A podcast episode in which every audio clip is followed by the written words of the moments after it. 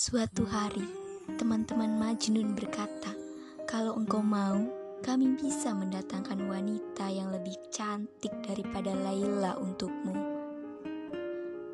Majnun menjawab dengan tenang, "Kalian tak akan mengerti. Aku mencintai Laila bukan karena rupa dan penampilannya. Saat aku memiliki gelas, yang terpenting dan yang paling membahagiakan." Bukanlah seperti apa bentuknya, melainkan ketika aku bisa menikmati anggur dengan gelas tersebut.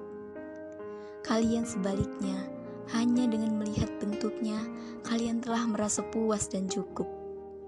Wadah tua dan rusak berisi anggur bagiku lebih baik ketimbang seratus gelas emas berhias permata berisikan cuka.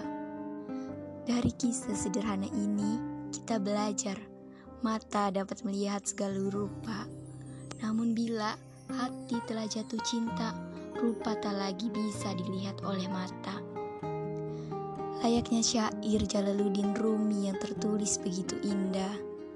Cinta menjadikan sesuatu tampak menawan, namun yang tampak menawan tak selalu menyebabkan jatuh cinta.